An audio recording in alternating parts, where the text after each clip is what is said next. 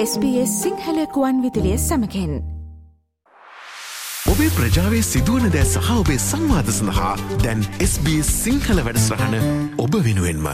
අපේ දැන් මේ සෝදානම් වන්නේ අපේ ප්‍රජාවෙන්ම අපිට අහන්නට ලැබෙන තවත් අලුත් කලා නිර්මාණයක් පිළිබඳව කතාබහ කරන්න. ඔබ දන්නවා දැන් අපි දශක ගණනාවක් සංක්‍රමණික ප්‍රජාවක් විදිහට මේ ඔස්ට්‍රේලියාවට ඇවිල්ලා විවිධ ප්‍රාන්තවල ස්ථාපනය වෙමින් සිටින වර්ධනය වන ප්‍රජාවක් ශ්‍රී ලාංකික ප්‍රජාව කියලා කියන්නේ.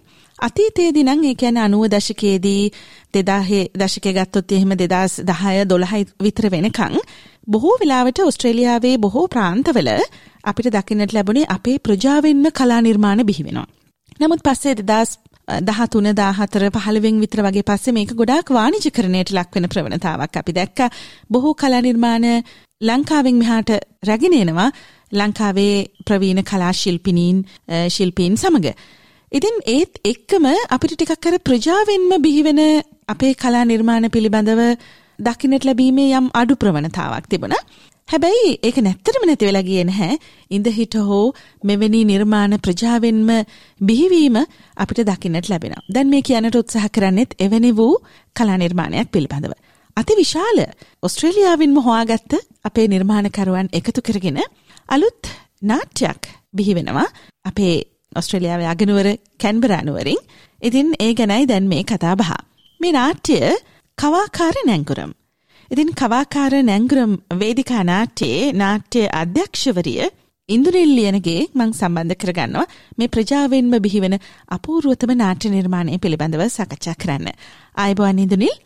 ආයිබෝවන් දිලරුක්ෂි අපි මුලින්ම කතා බහ කරමුද මොකක්ද මේ කවාකාර නැංගුරම් කියන නාට්‍ය නිර්මාණය? මොන වගේ කතාවක් පසුබිම් වන නාට්‍යයක්ද මේක කියලා? ඇත්තටම මේ කවාකාර නැංගුරම් කියන ඒ තේමාව මං සකසගත්තේ අපේ සමාජ පද්ධතිය හරහා අපිට දක්නට ලැබෙන ගොරෝසු තැන්වලින් මං මේ උකහාගත්තා ඒක සමාජවල අපි ජීවත් වෙනකොට මිනිස්සු විසින් හදාගන්න නීති පද්ධතියක් තියෙනවනේ. එතකොට කියන්නේ අපේ නීති හදලා තියෙනවා රටකට ඒ මේ ඔබින විදිහට නමුත් මිනිස්සු විසින් හදා ගන්නවා. ඒ කියන්නේ අක්කා බඳිනකන් නංගිට බඳින්න බෑ. අන්න ඒ වගේ සමාජ න්‍යායන් කියලා. ඉතින් ඒ මම බොහොම සරල එකක් කිව්වේ. ඉතින් ඔය වගේ සමාජ න්‍යායන් කියලා තමයි තේමාව මගේ. ඒකට කවාකාර නැංගුරම් කියන එක මගේ හිතේ මනසේ බොහොම විදිහට කාලයක සිට සක්මන් කර අදහස් කීපයක් මේ නැවක බෝට්ටුවකට නැංගුරම් දාන්නේ දැන් බදලා අල්ලන්නනේ නමුත් මේ අපේ ජීවිතේට දාන නැංගුරම කවාකාරයි කියලා අපිට පේන්නේ නැහැ. අපේ එක එක සමාජ පද්ධතිවලදී. මට ඔහොම තමයි මේක බද්ධ වුණේ ඉබේම. මම ඉපදුනේ ලංකාවේ. එහෙදි මම මේක දැක්කා මේ සමාජ න්‍යායන් හරියට මිනිස්සු විසින් බැලඳගෙන ඒ අනුව වැඩ කරනවා. ඊට පස්සේ මම ඇත්තටම ලංකාවේ ඉඳලා මෙල්බර්න් නුවරට ඉස්සෙල්ලම් පැමිණුනේ. ඒක තමයි අවුරුදු 17ක් හිටියේ. ඉතින් එහෙදි තමයි මගේ දුවලා දෙන්න ඉපදුනේ. දුවලා දෙන්නත් එක කැම්බරා ආවේ මෙහෙ ඇවිල්ලත් අවුරුදු 17ක් වුණා. ඉතින් ඒ දුවලා දෙන්නත් ඉස්කෝලේ ගිහිල්ලා එනකොට මට කියනවා ඒ එන අනිත් සමාජ පද්ධති තුලත් දකින්න අහන්න කතා වෙච්ච දේවල් තමයි ළමයි දෙන්නත් අරන් ආවේ ගෙදර. අපි මේ පවුලට උදව් කරමුද අම්මා මෙහෙම ප්‍රශ්නයක් ඒ කියන්නේ මේ වැරදි විදියට හදාගත්ත න්‍යායන් නිසා. ඕක තමයි තේමාව මේක. ඉතින් කවාකාර නැංගුරම් කියලා දෙදුනෙත් එහෙමයි. ඉතින් ඇත්තට ශ්‍රී ලාංකික පරිසරය විතරක් නෙමෙයි මේක මම හිතන්නේ ඕස්ට්‍රේලියාව වගේ මල්ටි කල්චරලිසම් කියලානේ අපි කියන්නේ මල්ටි කල්චරල් රටක් කියලා. මේ වගේ රටකට මම හිතන්නේ ඔබිනවා ගොඩක් අනිත් කල්චර්ස් ගොඩකට බලපානවා කියලා මට ඇත්තටම හිතෙනවා. ඒක නිසා ඒක තමයි මේකේ මේ වටපිටාව කවාකාර නැංගුරම් නාට්‍ය. හොඳයි අපූර්වතම නාට්‍ය සංකල්පයක් කියන ඉංගිය අපිට ලැබෙන ඔබගේ විග්‍රහය හරහා ඉඳනිල්. දැන් මොකද්ද මේ ඔබගේ පරමාර්ථය වුණේ මේ වගේ නාට්‍යයක් නිෂ්පාදනය කරන්න? මට නාට්‍ය කලාවට අවතීර්ණ වෙන්න උනේ සම්බන්ධ වෙන්න උනේ මෙල්බර්න් ඉන්නකොට හෙදි නාට්‍ය කීපයක රඟපාන අවස්ථාව ලැබුණා. ඒක දන්න විද්වතුන් යට නාට්‍ය කලාවට ආදරය කරන්න ගත්තේ ඒ විදිහට. ඊට පස්සේ මේ මහත්යාගේ රැකියාව හින්දා මට එන්න සිද්ධ වුණා කැන්බරාවට මේ ආණ්ඩුවේ රැකියාව නිසා වෙන ගති ඇති වෙන තීරණයක් තියුනේ බොහොම අකමැත්තෙන් ආවේ කැන්බරා. ඉතින් මෙල්බර්න් නා කැන්බරා සසඳනකොට ලොකු වෙනසක් තියෙන තැන් දෙකක්. මෙල්බර්න් කියන්නේ අපේ ලංකාවේ ජනගහනය ගොඩක් ව්‍යාප්ත වෙලා තියෙනවා. කැන්බරා කියන්නේ බොහොම කුඩා නගරයක්. මෙහිදී දැක්කා මෙහිදී නාට්‍ය කලාවක් ව්‍යාප්ත වෙලා නැහැ. මේගොල්ලෝ නාට්‍ය කියලා කරන්නේ අර රෙකෝඩින් එකක් දාලා අතපය වන්නනවා දික්කි දිගේ සමහර සින්ක්‍රොනයිස් වෙන්නේ නැහැ. මේ එහාට මෙහාට යනවා අතපය. හරි දුක හිතුණා මට. ඒගොල්ලෝ ඒක තමයි නාට්‍ය කලාව කියලා පිළි අරන් තියෙන්නේ. ඉතින් ඔය අනුව මගේ පළවෙනි නාට්‍ය දියත් වුණා 2012 සැබෑ විනිශ්චය කියලා. ඒක තමයි පළවෙනියෙන් වේදිකාවට ගෙනාපු නාට්‍ය. ඒක දරුවෝ විතරමයි හිටියේ. දරුවෝ 17 දෙනෙක්. ඊට පස්සේ දෙවනි නාට්‍ය විදිහට කලබල නගරය 2016 වසර ඒ නාට්‍ය වැඩිහිටියෝ සහ දරුවෝ සම්බන්ධ වුණා දෙගොල්ලම එකට. ඊට පස්සේනේ කොවිඩ් ආවනේ. ඊට පස්සේ ඉතින් අවුරුදු දැන් මේ 7කට පස්සේ මේ නාට්‍යයේ අවුරුදු 7 ඇතුළත ඇත්තටම මම ඉගෙනීමේත් යෙදුණා. ඒ පාඨමාලාව අවුරුදු 4ක් ඇදහරුවා නාට්‍යකරණයම තමයි කරේ. ඉතින් ඒකෙදි මම අලුත් ක්‍රමවේද ගොඩක් ඉගෙන ගත්තා. දැන් පළවෙනි දෙක කරනකොට තිබුණේ ප්‍රායෝගික පැත්තේ දැනුම මට. එතකොට මේ සැරේ එකතු වෙනවා මගේ මේ තියරි ප්‍රැක්ටිකල්ස් එකක් කියන්නේ කියනකොට ඉංග්‍රීසි භාෂාවෙන් මේ දෙකම එකතු වෙලා මම අලුත් ක්‍රමවේදයන් ඇතුළත් කරලා මේ නාට්‍ය පිටපත ලිව්වේ මගේ පිටපත ඉතින් අවුරුදු 7කට පස්සේ මේ අනුව මේ තුන්වෙනි නාට්‍ය කැන්බරාවෙම තුන්වෙනි නාට්‍යයක් මේක තමයි. මුළු කැන්බරාවටම. ඔව් ඒක ලොකු අභියෝගයක් කියලා අපිටත් දැනෙනවා. මොකද අපි දන්නවා වැඩිම බහුසංස්කෘතික ප්‍රජාවක් ඉන්න ප්‍රාන්තය තමයි වික්ටෝරියා ප්‍රාන්තය. ශ්‍රී ලාංකික ප්‍රජාව ගත්තහමත් මෙල්බන් වල ඉන්න ශ්‍රී ලාංකික ප්‍රජාව අතිමහත්. මෙහි කලා නිර්මාණ බොහොමයක් සිදු වෙනවා. ප්‍රජාවෙන් බිහි කලා නිර්මාණ බොහොමයක් මෙහි සිදු වුණා අතීතයේදී. දැන් නම් ටිකක් අඩු ප්‍රවණතාවක් තියෙන. මොකද ඒක බොහෝ වෙලාවට වාණිජකරණයට ලක් වෙලා තියෙනවා. අපි දකිනවා ලංකාවෙන් මම අර කලින් සඳහන් කරපු විදිහට කලා නිර්මාණ කලා ශිල්පීන් සමග ලංකාවෙන් තමයි දැන් එන්නේ මේ මෙල්බන් නුවරටත්. හැබැයි මේ අතරින් පතර දැන් ඉඳුනිල්ල වගේ පිරිසත් ඉන්නවා තාමත් මෙල්බන් වල එවැනි කරතාවය කරන. හැබැයි අඩු ප්‍රවණතාවක් තියෙන්නේ. ඉතින් ඉන්ද්‍රිල් දැන් ලොකු අභියෝගයක් වෙන්නට ඇති ඔබට මේ ප්‍රජාවෙන් බිහිවෙන නාට්‍ය පදනමක් නොමැති නගරයක සිට මෙවැනි කර්තව්‍යයක් කරන්න. දැන් කොහොමද දැන් ඔබගේ මේ කවාකාර නැංගුරම් කියන නාට්‍යයට ප්‍රජාවේ සහභාගීත්වය ඔබ ලබා ගත්තේ? කොයි කොයි වගේ පිරිස්ද සම්බන්ධ වෙලා ඉන්න ඔබගේ නාට්‍යයට? ඇත්තටම මේ කැන්බරාවෙන් පිරිස 45ක් වෙනවා. වාද්‍ය වෘන්දය සඳහා 10 දෙනෙක් සම්බන්ධ වෙනවා. ඒතර දරුවෝ 19 දෙනෙක් වැඩි හිටියෝ ඉතුරු කොටස එතකොට මෙහි ගොඩාක් කැමති ළමයින්ගේ දේවල් කරනවට මෙහි. මොකද ළමයින්ට සිංහල භාෂාවත් කතා කරන්න තැනක් නැහැ. මේ අර සිංහල භාෂා පාසල් කියලා නැහැ මෙහි මෙල්බර්න් වගේ. ඉතින් ළමයි සිංහල කතා කරනකොට මිනිස්සු කැමති බව මම දන්නවා. ඉතින් මේ නාට්‍යයේදී ඇත්තටම මේගොල්ලෝ දෙමව්පියෝ විලකෝ වෙන නාට්‍ය පටන් ගත්තට පස්සේ තමයි යක්කේ ගෙදර දරුවෝ දැන් සිංහල කතා කරන්නේ මෙච්චර කල් වචනයක් සිංහල කතා කරේ නෑ ගෙදරදී.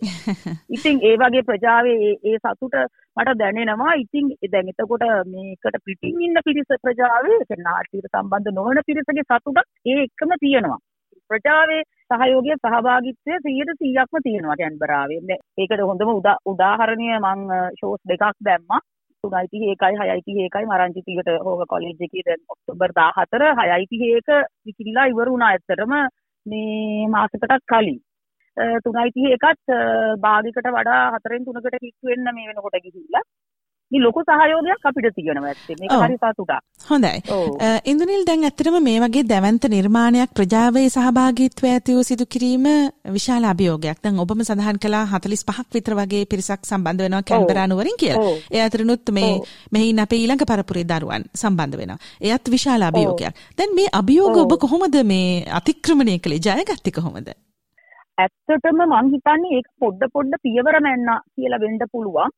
කුඩා තැනක් මේ කැන්බරානාදරේ එතකොට මිනිස්සුන් අතර කතා බහක් පැතිරිලා ගින්තුනා කලාවට සම්බන්ධ කෙනෙක් කැන්බරාවට අලුතින් ඇවිත් ඉන්නවා කියලා නාට්‍ය සංගීතයට පැත්තට යොමුණු කෙනෙක්.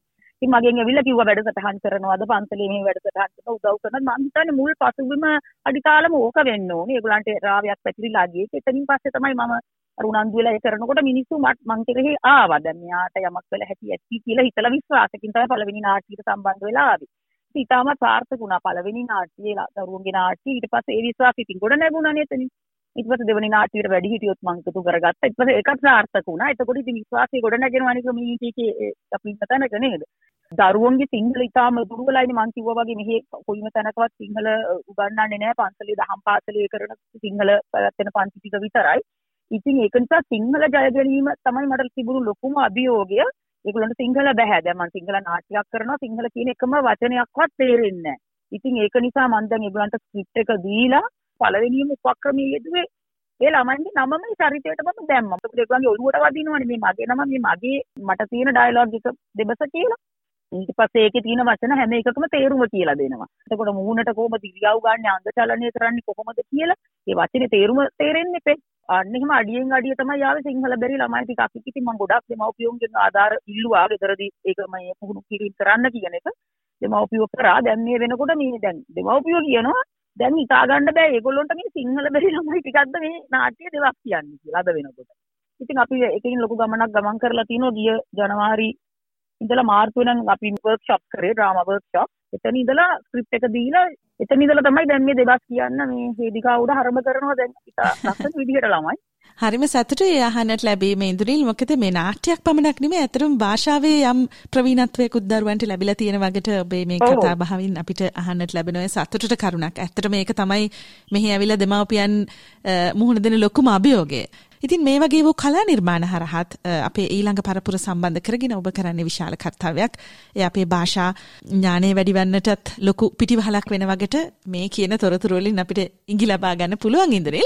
මම අවසාන වශයෙන් දැනගන්න කැමතියි දැන් මේ ඔබගේ කවාකාර නැංගුරම් කියන මේ වේදිකා නාට්‍ය කැන්බරා නුවර සහ මෙල්බර්න් වල මේ තැන් දෙකේම පැවැත්වෙනවා. දර්ශන වාර පැවැත්වෙන අයුරු සහ වේලාව පැවැත්වෙන ස්ථාන පිළිබඳවත් ඔබෙන් තොරතුරු දැනගන්න කැමතියි. ඕදි රුක්ෂි මේ පළවෙනියෙන්ම නාට්‍ය වේදිකා ගත වෙන්නේ කැන්බරානුවර හෝක කොලේජ් එකේ මරංචි තියටර් එකේ සෙනසුරාදා දවසක් 14 වෙනිදා. දර්ශන වාර දෙකක් තියෙනවා. 3යි 30යි 6යි 30යි කැන්බරාවල ටිකට් පත් හරි මේ නාට්‍ය ගැන හරි විස්තර අහන්න නම් මගේ නම්බරයට තමයි කතා කරොත් වැඩියම හොඳ. මගේ නම්බරේ කියන්නම්. 0යි 4යි 2යි 3යි 6යි 8යි 1යි 9යි 5යි 1 එතකොට මෙල්බර්න් වලට එන්නේ නාට්‍ය නොවැම්බර් පහ ඉරිද දවසක් බැංසියා තියට ඒක කීස්බර්ග සෙකන්ඩරි කොලේජ් එකේ කොටසක් බැංසියා තියට එක ස්ප්‍රින්ග්වෙල් සවුත් වලට වැටෙන්නේ. අපි එක දර්ශනයක් තමයි ඒකේ තියෙන්නේ හය හයේ දර්ශනය හවස හයේ දර්ශනේ. ඒකේ අයට ටිකට් පත් බාර දීලා තියෙනවා මගේ හිටිය යාළු මිත්‍රයෝ හතර දෙනෙක්ට. මම ඒගොල්ලන්ගේ නම් සහ නම්බර කියන්නම්. හේමන්ත බිඳුවයි හතරයි බිඳුවයි නමයයි හතයි බිඳුවයි දෙක හතයි නමයයි හත. ආලෝක බිඳුවයි හතරයි දෙකයි පහයි පහයි හතයි දෙකයි බිඳුවයි බිඳුවයි අට කපිල බිඳුවයි හතරයි බිඳුවයි නමයයි හතයි නමයයි නමයයි නමයයි අටයි නමය මංජුලා බිඳුවයි හතරයි පහයි බිඳුව හතයි හතයි බිඳුව එකයි අටයි බිඳුව හොඳයි. එහෙමනම් අපි බලාපොරොත්තු වෙන අපේ ප්‍රජාවට ලොකු උනන්දුවක් තියෙනවා කියලා අපේ ප්‍රජාවෙන්ම බිහිවෙන අපේම මෙහි ඉපදුන අපේ දූ දරුවන් රඟපාන වේදිකා නාට්‍යයක් මෙහිම ඉන්න අය අධ්‍යක්ෂණය කරපු පිටපත රචනා කරපු අපේම නිර්මාණයක්. විදේශගත අපේ සංක්‍රමණික ශ්‍රී ලාංකික ප්‍රජාවෙන්ම බිහි වුණු වේදිකා නාට්‍යයක රස මිහිර විඳ ගන්නට ලොකු කැමැත්තක් ඇති කියලා අපෙත් පරමාර්ථය උනේ අපේ ප්‍රජාවෙන්ම බිහි වුණු මේ නිර්මාණ පිළිබඳව ඔවුන් ධෛර්යමත් කරමින් ඔවුන්ට යම් අවස්ථාවක් ලබා දෙන්න ඔවුන්ගේ නිර්මාණ පිළිබඳව පිළිබඳව කතා බහ කරන්න SBS සිංහල සේවය තුළින්. එමනම් මේ කවාකාර නැංගුරම් නාට්‍යයේ අධ්‍යක්ෂණය කරමින් පිටපත රචනා කරමින් මේ සියලුම කර්තාවයන් වලට උරදුන්න ඉඳුරිල් ලියනගේට අපි ස්තුතිවන්ත වෙනවා. සුබ පැතුම් ඉඳුරිල් සාර්ථක නාට්‍ය නිර්මාණයක් උදෙසා. බොහොම ස්තුතියි දිල්රුක්ති අපිට මේ අවස්ථාව ලබලා දුන්නට බොහොමත්ම ස්තුතියි. ඔබේ ප්‍රජාවේ සිදුවන දෑ සහ ඔබේ සංවාද සඳහා දැන් SBS සිංහල වැඩස්රහන ඔබ වෙනුවෙන්ම. මේ වගේ තවත්තොරතුරු දැනගන්න කැමතිද. එහෙමනම් Apple podcast Google podcast spotify ඔබගේ පොඩ්කාස්ට ලබාගන්න ඕනෑම මාතයකින් අපට සවන්දය හැකේ.